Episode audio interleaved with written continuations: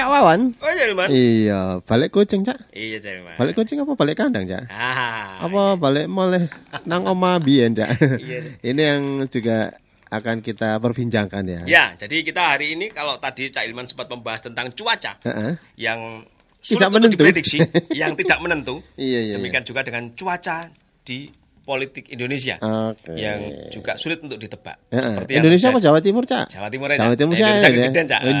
Iya, Cak. Jadi hari-hari ini Hari-hari atau ini? dalam beberapa hari ini, wah sebuah berita besar Mm-mm. di perpolitikan Jawa Timur sedang ramai dibahas Mm-mm. kaitan dengan perpindahan eh, mantan Gubernur Jawa Timur Mantan Gubernur Jawa Timur. Pak Dekarwo Soekarwo. yang pernah menjabat sebagai ketua Demokrat Jawa Timur, kemudian menjadi ketua DPP Partai Demokrat. Dan maju sebagai gubernur dua periode dari Partai Demokrat. Ya, hari ini atau kemarin resmi pindah ke Partai Golkar dan menjabat sebagai wakil ketua Dewan Pakar. Wakil Ketua Dewan Pakar. Nah, ya. tentu ini menjadi DPP Partai Golkar. DPP Partai Golkar. Nah, ini tentu menarik kalau bicara berarti di tingkat pusat ya berarti. Tingkat ya? pusat, ya. Oh iya iya iya. tingkat iya. pusat. Tapi kalau tingkat pusat, tapi posisinya Pak D itu di Jawa Timur begitu mengakar, nah, Mm. Apakah nanti juga akan berimplikasi terhadap peta politik Jawa Timur? Mm-mm. Karena sampai dengan hari ini Pak D masih dilihat sebagai seorang tokoh besar, Magnet ya. ya magnet bagi masyarakat khususnya yang ada di Jawa Timur. Nah, kita sudah tersambung dengan pengamat politik Wis. dan juga seorang akademisi, Wah, ada dari Universitas Trunojoyo. Madura. Madura. Ya, ada Cak Surohim Abdul Salam. Ya, Ye. kita sapa beliau. aja. Ya. Assalamualaikum Sugeng Ejang, Cak Surohim. Waalaikumsalam warahmatullahi Eh, wabarakatuh. Sugeng eh. Ejang, alhamdulillah. Sehat selalu Cak Surohim. Amin. Selamat Amin. tahun baru juga. Selamat tahun baru Cak Surohim. Iya, iya, iya. Masih mas. Inggih. Awawan sukses selalu. Amin, pangestu. Amin ya Demikian robbal alamin. Sukses selalu Iya. bersama dengan UTM-nya. Ah, Amin. Iya iya. Ini menarik Cak Surohim kalau uh, kita bicara tentang uh, politik di awal tahun 2023 mengingat uh, sepertinya tahun ini akan banyak diwarnai dengan agenda politik Cak Surohim ya. Yes, betul. Mm-mm. Nah, nah, ini yang menarik ketika nama Soekarwo Pak yang D. Karwo. begitu lekat dengan masyarakat Jawa Timur tiba-tiba eh, berteduh di bawah pohon beringin. setelah Iya iya. berada Bertu, di bertujuh di logo Mercy. lah setelah mersinya diparkir kemudian berteduh di bawah pohon beringin. Nah, kalau Cak Surohim melihat ini seperti apa sebenarnya? Iya, iya, iya, Monggo Cak Surohim. Oke. Partai politik di Indonesia ini kan masih banyak yang mengandalkan ketokohan ya. Nah, Hmm. faktor patron itu menjadi variabel pensuplai paling banyak. Hmm. Kita sih sebenarnya berharap di partai-partai bisa relatif mandiri, tapi faktanya memang Hmm. pemilih kita memang Ye. yang voter bawah Ye. itu lebih dominan daripada voter menengah dan atas. Hmm. Sehingga wajar kalau kemudian tokoh, ketokohan itu selalu menjadi variabel penting di dalam partai. Dan itu bisa menjadi apa peta jalan paling tokoh sekelas Pak D Ye. yang pernah menjabat sebagai gubernur Jawa Timur dua kali Ye. Hmm. pasti relasi kuasa beliau, pemahaman beliau terhadap peta politik di Jawa Timur ya relatif mapan di atas rata-rata ya. Jadi meniadakan peran beliau di dalam politik Jawa Timur ya menurut saya eh, sesuatu yang tidak masuk akal. Ye. Hmm. Jadi pasti relasi kuasa beliau jaringan, pertemanan dan lain-lain. Apalagi kita semua tahu tipikal Pak Dekarwo itu kan politisi yang tidak mengenal kata lawan ya. Ye, ye. Jadi Iya. semuanya itu hampir jadi kawan, Kawan. jadi sahabat Eh, beliau iya. gitu. Jadi saya juga pernah bingung ya memahami Pak Dekarwo. Wong PDIP berhadapan-hadapan dengan Demokrat pada Iya. saat itu, tapi begitu Pak D tidak nyaman di Demokrat kok kemudian bisa masuk ke kepresidenan di mana di situ Ada. PDIP sangat dominan. Iya. Lalu Pak kemudian ya? saya Iya. ketemu banyak orang itu rasa-rasanya kok tidak ada musuhnya Pak D ini. Iya, Jadi iya, saya iya. juga merasa nggak ada yang nyinyir ini. ya Cak ya. ini betul-betul politisi yang Heeh. luar biasa Tidak ya. ada lawan, semua kawan ya. Betul, enggak, enggak baperan gitu. Iya. Beliau kadang-kadang Apa mungkin apa, karena kalau dekat dengan Pak Dekarwo itu merasa nyaman gitu ya? Ya karena loman ya beliau ya. Oh, loman. nyaman dan loman. Itu betul dan itu Iya. yang membuat orang banyak apa ya merasa ya jadi Pak Dekarwo itu kan tipikan orang yang loman ya jadi Iya. politisi yang loman itu biasanya disayang banyak pihak memang Mm-mm. jadi ya itu yang membuat kemudian Pak D itu terasa ada di mana-mana Mm, iya. pergaulannya bisa lintas partai Iya, iya. bisa banyak akses dan apa semua ya akan Iya. merasa bahwa Pak Dekarwo ini aset gitu Iya, iya. Mm-mm. kita juga tahu pada waktu itu bayangkan Bu Khofifah itu rival dua kali Iya, Iya. iya. Pilgub Jawa Timur kan waktu Iya. itu ya dengan Iya. Pak Dekarwo ya dengan segala dramanya itu ya. Iya, iya, iya. Pada saat Bu Khofifah maju yang terakhir jadi Pilgub tahu nggak siapa yang ngantar ke Pak SBY? Wah, Pak Dekarwo. Iya. Jadi, jadi hal begitu itu ya bayangkan ya. Iya. Pak Dekarwo memang tipikal apa ya? Ya politisi birokrat yang enabler menurut saya. Iya. Jadi eh, beliau susah untuk memiliki lawan tapi kawannya ada di mana-mana. Mm. Sehingga kalau Pak D bergeser dari Demokrat ke PDIP ke Golkar itu saya melihatnya biasa saja sih karena memang Mm. beliau kawannya ada di mana-mana, Betul, betul. Iya, iya, iya. tokohannya ada di mana-mana Iya. dan Iya, iya. susah mencari apa tipikal orang dengan politisi yang bisa Mm-mm. bergaul luas untuk semua segmen begitu susah. Mm-mm. Iya, iya. Apalagi apa eh, selama ini kan kita tahu loh Pak berarti loyalitasnya beliau rendah ya. Kalau itu kan urusan kesekian kali ya karena Mm-mm, bisa jadi mm-mm, kan Pak mm. juga bisa jadi diminta Mm-mm, kadang-kadang hal itu yang kita tidak Iya. tahu. Mm-mm. Hmm. Tapi yang kita tahu bahwa posisi-posisi penting dijabat oleh Pak D begitu bermasalah tidak nyaman di Demokrat karena case penantunya Mm-mm. ya beliau jadi watimpres. Mm-mm. Iya, iya. Kalau kita tahu watimpres itu aksesnya ke mana? Itu Hmm. PDIP, Mm-mm. ya kan? Mm-mm. Lalu kemudian sekarang berlabuh ke Golkar. Kita Hmm. semua tahu jaringan di Golkar juga cukup luas. Betul. Iya, iya, iya. Tidak mudah untuk masuk ke sana karena relatif mapan. Partai ini Betul. partai Hmm. modern, partai kader Hmm. yang memang Hmm. ketat. Mm. Tapi. Pak D juga bisa me- apa ya masuk ke sana. Hmm. Jadi saya kusnudon saja, Hmm. Berpandangan positif saja. Ya memang kelasnya beliau Mm. apa eh, seperti itu. Mm. Jadi Mm. kalau kemudian sekarang Golkar mendapatkan Pak Dekarwo, menurut saya tetap aja ada apa eh, manfaat elektoral khususnya Iya. di Jawa Timur ya. Iya, iya. Mm. Hmm. Nah, Jadi yang saya maksud bahwa ketokohan Pak D ya, terutama Hmm. di daerah apa eh, yang apa sekitar Madiun dan sekitarnya Mataraman, daerah-daerah ya. Mataraman Iya. Barat itu Mm. eh, saya kira masih cukup apa eh, merindukan bahasa saya sih Iya. Mm. Pak D itu masih cukup dirindukan kehadirannya. Iya, iya. iya. Nah, ini yang menarik. Belum lagi akses-akses apa dengan pejabat birokrat. Saya kira hampir semua pejabat birokrat yang mengenal Pak D ya selalu ingin berbalas dengan Pak D. Betul. Saya kira itu yang Iya. membuat Hmm. kemudian Pak D relatif sulit untuk ditiadakan ketika kita bicara tentang elektoral Jawa Timur. Nggih. Nah, ini yang eh, sempat anu aja sing gawe aku rodok rodok mikir. Jadi Pak D ini kan kolamnya lebih banyak beririsan dengan PDIP. Misalnya dia eh, PA GMNI, kemudian juga sekarang One Team Press yang notabene seperti yang jenengan sampaikan tadi identik dengan PDI. Tapi kemudian ketika melompat eh, kolamnya kok yang kuning. Iya, iya. yang ada pohon beringinnya. Ini kembali ke rumah awal atau Apakah karena kolamnya ini teduh karena ada pohon beringinnya? Seperti apa? atau ini, Cak? Warnanya ngejreng, Cak. Kuning. kuning. Iya. Maksudnya Pak D ke Golkar, dekatnya Pak D di Golkar itu memang faktor pemicu paling kuat ya jelas faktor Mas Bayu ya. ya, Oh. tentunya nggih.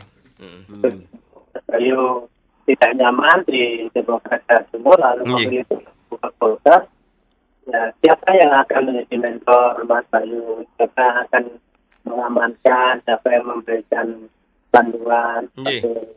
Apa, jaminan gitu. Jadi Mm-mm. maksudnya Pak ke Demokrat eh, ke Golkar sudah tidak bisa dilepaskan dari kepentingan itu loh. Nggih, mm, mm, mm. Hmm, ya ya Bayu Erlangga ya Pak Cak Surogim ya, ya. Mm. yang sebelumnya juga merasa kecewa dengan eh, ketua umum Demokrat AHY Nah, Mm, ya. yang yang apa kan di ada prinsip apa Ah. ego tak Iya. ego eh, Saya- orang tua saya kan dapat dapat ya Cak suaranya Cak Halo Cak Surogim. Eh. Ya, suaranya kurang Eh, jernih eh. Cak Surogim. Mungkin bisa bergeser sedikit. Halo Cak Surogim. Eh, eh, mungkin Halo. Bisa di ruang agak lebih luas atau lebih terbuka gitu ya. Halo. Iya, halo. Si, gimana? ya Halo. Eh, Ron. dengar Cak, tapi agak suaranya seperti robot Cak, tang tang tung tang tung gitu Cak. Oh suaranya, Cak. iya iya iya. Ini sambung lagi sebentar Oh ya disambung Ya, lagi saya ya. sambung lagi, bentar, Oke, ya mungkin karena ada efek ini ya. Angin kencang kali ya, banyak gangguan ya. Ya, seperti yang disampaikan di awal ya, eh, Pak Dekarwo ini juga mengikuti ya menantunya yang keluar dari Partai Demokrat dan dipastikan ya Bayu Erlangga menantu dari Pak Dekarwo mantan Gubernur Jawa Timur ini juga akan ke Partai Golkar ya. Karena Pak Dekarwo yang pernah menjabat sebagai ketua DPD Partai Demokrat ini akhirnya memilih Partai Golkar ya untuk aktivitas politiknya. Dan kalau ini akan bertarung di 20, 2024 Iya. tentunya akan menjadi eh, trigger ya Iya. kehadiran Ya, kita dari sudah tersambung Cak Ilman. Oh, iya, ya, iya, kita iya. sudah tersambung. Ya, Cak Surogim tadi mungkin bisa dilanjutkan lagi Cak Ilman. J. Eh, kaitan dengan kepindahan Pak Dekarwo ke Golkar, faktor Hmm. penantu dan lain sebagainya. Monggo, Cak, silakan, Cak. ya saya masih di pandangan bahwa setelah punya Pak Dekarwo ke Nggih. Bayu Erlangga yang Mm-mm. masih apa pun eh, pasti akan selalu bekerja ya dalam kesempatan per- mm-mm. Iya. siapa yang kemudian bisa mengalahkan langkah Mas Bayu untuk terjun di dunia politik Nggih. apalagi saya dengar juga Mas Bayu kan mencalonkan diri untuk dari Ya, nggih. kasusnya dan itu tanpa keterlibatan Pak Di saya pikir akan sulit Sulit Iya. betul. Mm-mm. akan berat Hmm. Jadi mungkin Pak Di eh, sekali mendayung gitu ya Hmm. Hmm. untuk dua pulau itu ya sekaligus untuk menguatkan di jaring politik nasionalnya Iya. tapi di sana juga bisa memberi rasa nyaman dan Betul. dengan yang cukup untuk Mas Bayu. Iya, iya. Nah, Tapi nggih. Golkar saya kira mendapatkan apa ini ya mendapatkan banyak keuntungan elektoral ya Ya, dan maksudnya Pak Din karena ya memang faktor ketokohan tadi Nggih. dan jika ini bisa dimaksimalkan saya kira Golkar akan akan cukup ya mendapatkan sumbangan Mm-mm. Sumbangan elektoral Ya. Nah, ini tentu dan mencermati Pak itu memang Ya. apa Halo. Hmm, Halo, Cak. Halo. iya. Putus ya? Mm-mm. Ya. Mm-mm, putus ya.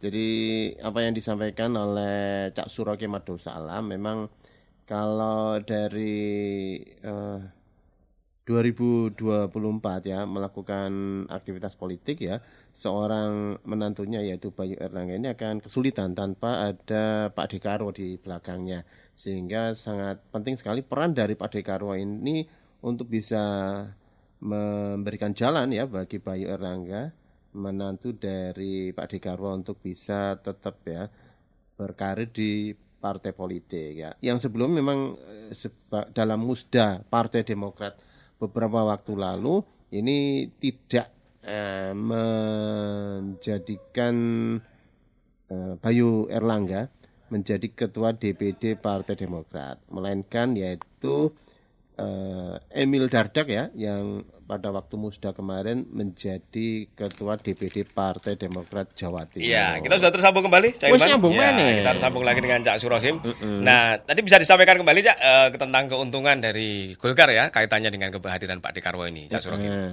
Ya, sebagaimana tadi saya yang saya sebut ya bahwa Iya. faktor ketokohan itu selalu punya sumbangan yang signifikan terhadap elektoral partai. Jadi kalau Hmm. kehadiran tokoh sekelas Pak D memperkuat Golkar, pasti ya Golkar mau tidak mau ya dapat Iya. pilihan untuk juga karena kan orang menjabat sebagai gubernur Iya. selama 10 tahun di Jawa Timur Iya. pasti jalan-jalannya itu Iya. sudah panjang dan luas Betul. gitu. Mm-mm. Iya, iya, iya. Jadi kalau meniadakan faktor itu ya, Wah, ya berat. tidak, tidak ini tidak masuk akal juga. Nah, Jadi D ya berkah lah bagi Golkar untuk kali ini. Tapi Iya. Memang variabel keterpilihan parpol itu kian waktu kian kompleks ya. mm-mm, mm-mm. Dan betul bahwa memang faktor ketokohan juga memberi sumbangan, tapi juga faktor-faktor lain juga Mm-mm. eh, sekarang kian banyak, Hmm. kian apa, bertambah terus menerus Iya. dan uh, itu yang kemudian partai itu rumusnya sebenarnya satu kian Mm. banyak bisa menaut menghasilkan variabel-variabel Mm-mm. lain dalam kaitan dengan elektoral tadi Mm-mm. maka tingkat keterpilihannya menjadi besar Iya, Mm-mm. iya, iya. Nah, nah ini tentu Itu tidak mudah Betul, Cak. Ya, tentu ini yang apa yang merasa akan berat menja tentu Partai Demokrat ya, dengan kondisi seperti ini, Cak Surohim mengingat ya tentu Mm. kehilangan ya Iya, karena iya. faktor ketokohan tadi betul. mhm, tapi mestinya Demokrat harus sadar bahwa ketika kehilangan tokoh mhm, maka variabel lain diperkuat. mhm, mhm. Jadi kalau kemarin sih saya sampaikan ketika kemudian partai politik itu kurang tokoh, maka yang bisa dimaksimalkan ya faktor kader ya, Mhm. faktor program, Iya. ya, faktor-faktor yang mungkin ada kaitannya dengan apa politik mm-mm. ide Mm. gagasan Mhm, gitu. mhm. Ya.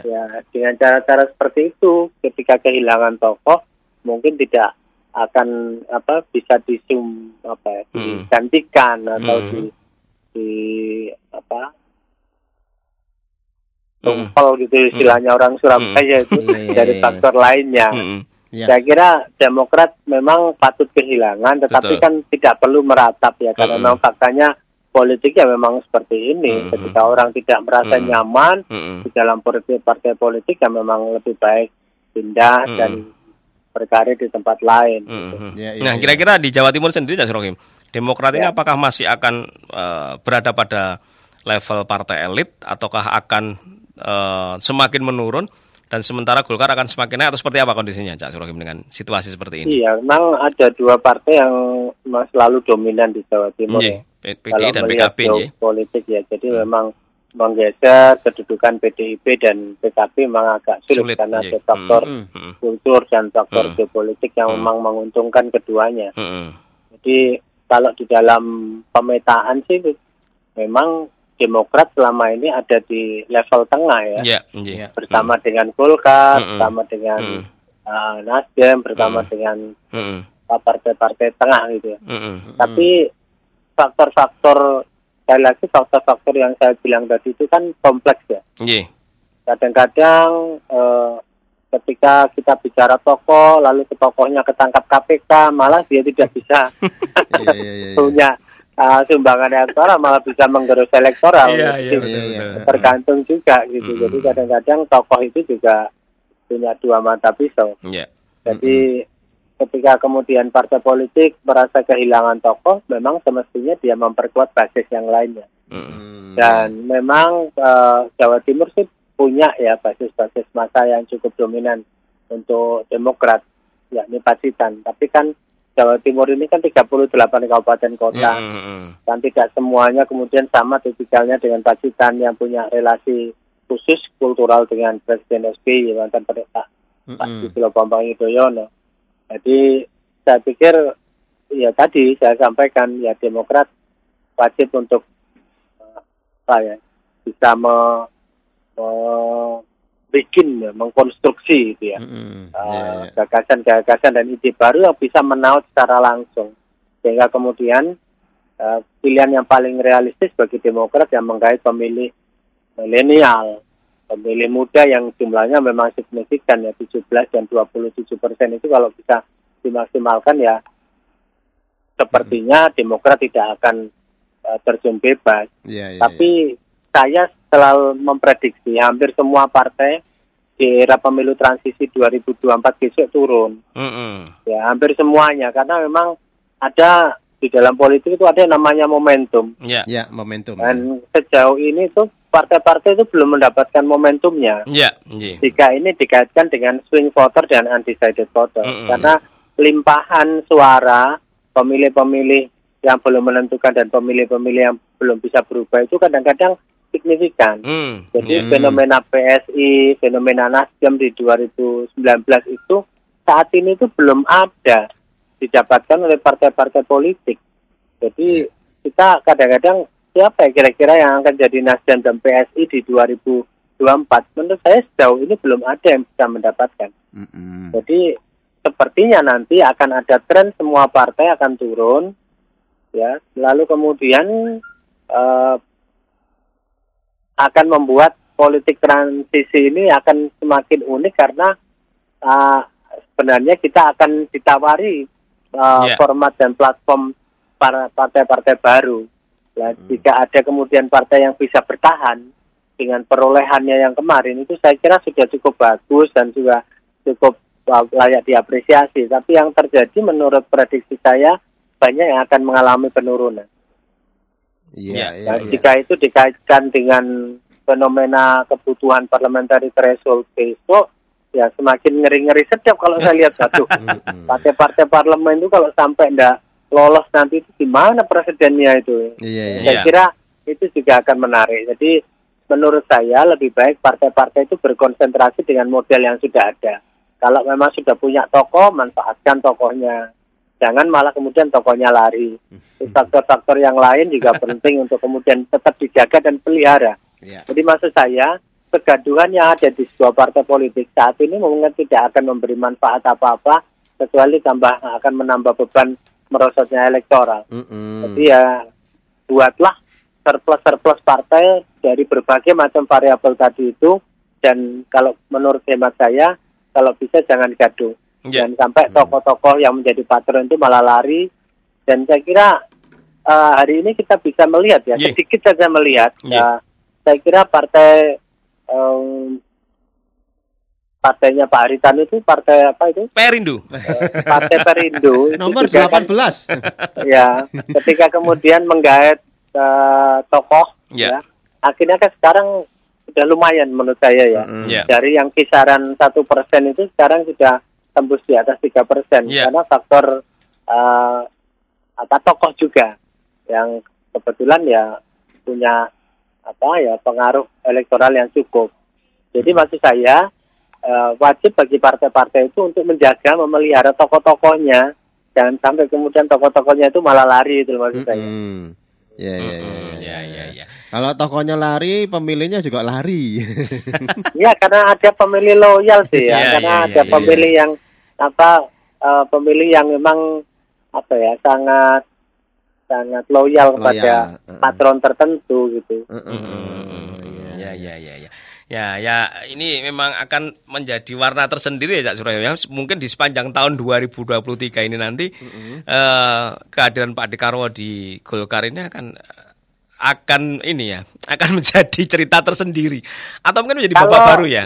Mm-mm. Jadi kalau Golkar bisa memaksimalkan Hmm. potensi itu, Ya. bisa menjaga, memaintain Ya. kehadiran Pak Dekarwo itu, menurut saya akan punya keuntungan elektoral ya. Betul, betul. Karena kan kita bisa memetakan beberapa wilayah memang Betul. Golkar terutama di daerah Mataraman Iya. Barat itu kan sebenarnya masih ceruknya masih cukup Betul. luas Iya. dan kalau kemudian bisa memperkuat Mm-mm. branding dan positioning dia memanfaatkan hadirnya Pak Dekarwo saya kira juga akan bisa menambah Betul. kekuatan dan daya Partai Golkar untuk Hmm. ekspansif ya. Jadi, Tapi mm, sekali lagi memang politik di Indonesia itu variabel utamanya itu kalau dipikir-pikir memang momentum sih ya. ya, Kalau nanti taruhlah eh, hari ini juga Partai Golkar kan sedang juga dapat ujian, Iya, betul. ya kan? Satu sisi dapat Pak Dekarwo, di sisi lain kader dan tokohnya juga ditangkap KPK. Jadi jadi ya begitulah ya. Jadi setelah partai politik emang ka- akan Iya. akan menghadapi fase seperti itu. Iya, betul. Dan kehadiran Partai Golkar dengan pemberitaan yang cukup masif terkait dengan penangkapan KPK itu ya Iya. memang akan mengurangi eh, citra udara Partai Golkar. Betul. Jadi ya Mm-mm. sekali lagi ya, satu variabel Iya. itu tidak akan cukup bisa memberikan apa eh, pemahaman bahwa Partai Golkar akan akan baik, Iya. akan progres gitu karena memang variabelnya Iya. cukup banyak ya. Iya, iya, Guru-guru iya. saya di UNA itu mengatakan variabelnya sekarang itu omni, sekarang itu kompleks. Kompleks. Jadi Iya, iya, satu faktor aja enggak enggak cukup gitu. Iya. loh. Iya, iya. Bahwa Artinya, kemudian eh, hari ini Golkar dapat Pak Dekarwo, lalu yang kemarin kadernya ketangkap KPK ya Iya. coba biarkan itu sebagai Iya, iya. dinamika tapi ya sekali lagi partai politik harus memperbanyak faktor-faktor plusnya tadi itu. mm-mm, iya, Sem- iya. Semakin banyak faktor-faktor variabel yang bisa terplus untuk partai, ya maka tingkat keterpilihan partai tersebut akan semakin baik. Iya, iya, iya. Tapi kalau pemberitaannya negatif terus di media massa ya pasti akan mempengaruhi opini dan persepsi publik gitu. Makanya kan tidak mudah ketika sebuah partai politik kadernya kena tangkap KPK, main perempuan itu memang sulit Iya. untuk dipulihkan Hmm, hmm, gitu ya. Dan iya, iya. ada kewajiban partai politik untuk memaintain, menjaga agar kemudian kader-kadernya itu tidak tersentuh ke kasus-kasus yang sulit dipulihkan itu. Iya, iya, iya, iya. Saya kira variabel yang lain cukup banyak dan Iya. sekali lagi kita akan memasuki fase politik turbulen transisi. Wih, sini. Jadi ini. faktor transisi turbulen itu luar biasa karena Iya. prediksi Mm. saya memang sulit partai politik bisa Mm-mm. meningkat di era transisi ini. Mm-mm. Yang justru terjadi justru penurunan semua. Mm-mm. Karena tadi itu ya ada kehadiran faktor pemilih milenial yang cukup Hmm. signifikan, ada faktor kondisi lingkungan, ada faktor banyak sekali faktor-faktor Iya. makro yang memang Mm-mm. secara politik tidak menguntungkan bagi partai politik hari-hari ini. Mm-mm. Iya, iya, iya. Tapi bagi partai politik hal seperti itu harus dihadapi dan menjadi challenge kan. Iya. Gitu. Makanya kita berharap semua masih bisa tetap optimis dan menjaga peradaban politik kita lebih baik gitu. Mm-mm, Iya, iya, iya, iya. Jadi ini menjadi sebuah eh, apa istilahnya tantangan baru bagi Iya. Golkar. Apakah nanti bisa menjadi yang terkuat di Jawa Timur, Mm-mm. ataukah stagnan atau seperti apa? Nanti jawabannya di tahun 2024 ya, Cak Surahim ya. Iya. Akan kita bisa lihat di 14 Februari 2024. Oh iya. Iya, Cak. Heeh. Iya iya Cak. Termasuk untuk memperbaiki citra Golkar ya. Pak Dekarwo datang ke Golkar. Setelah Ya kemarin saya kira setelah kena satu ujian seperti kena itu, OTT KPK. betul. Ya ini dapat vitamin sedikit menurut saya. vitamin ya, Cak. Seperti vitamin ya. Heeh. Ya dong, Iya, iya, karena iya, iya. ada. Mas Rohim, terima kasih sudah berkenan untuk Ya, ngobrol pagi hari ini. Nggih. Ngapunten Tapi kalau tadi saya- sempat terputus-putus mungkin karena Siap. sinyalnya diacak. Tapi biasanya saya, saya selalu apa optimistis di balik turbulensi politik Iya. biasanya akan ketemu keindahan baru. Oh, ya. akan Hmm. ketemu apa pelangi-pelangi politik baru. Hmm, Jadi iya, iya, iya. kendati eranya transisional turbulen, tapi itu cara untuk mendewasakan partai politik untuk mencapai keindahan-keindahan baru pada 2024. Nggih. Nggih, matur Sami-sami. Nggih. Sukses selalu. Salam sehat. Assalamualaikum. Amin. Waalaikumsalam. Yoi. Gimana Cak ya? Kita ngobrol-ngobrol tadi dengan Cak Suragib Abdul Salam, peneliti dan juga dosen dari Universitas Trunojoyo Madura. Oke, Cawan, Oi. kita dulu. Nanti kita ngobrol-ngobrol lagi masih di Trijat Sepagi Surabaya.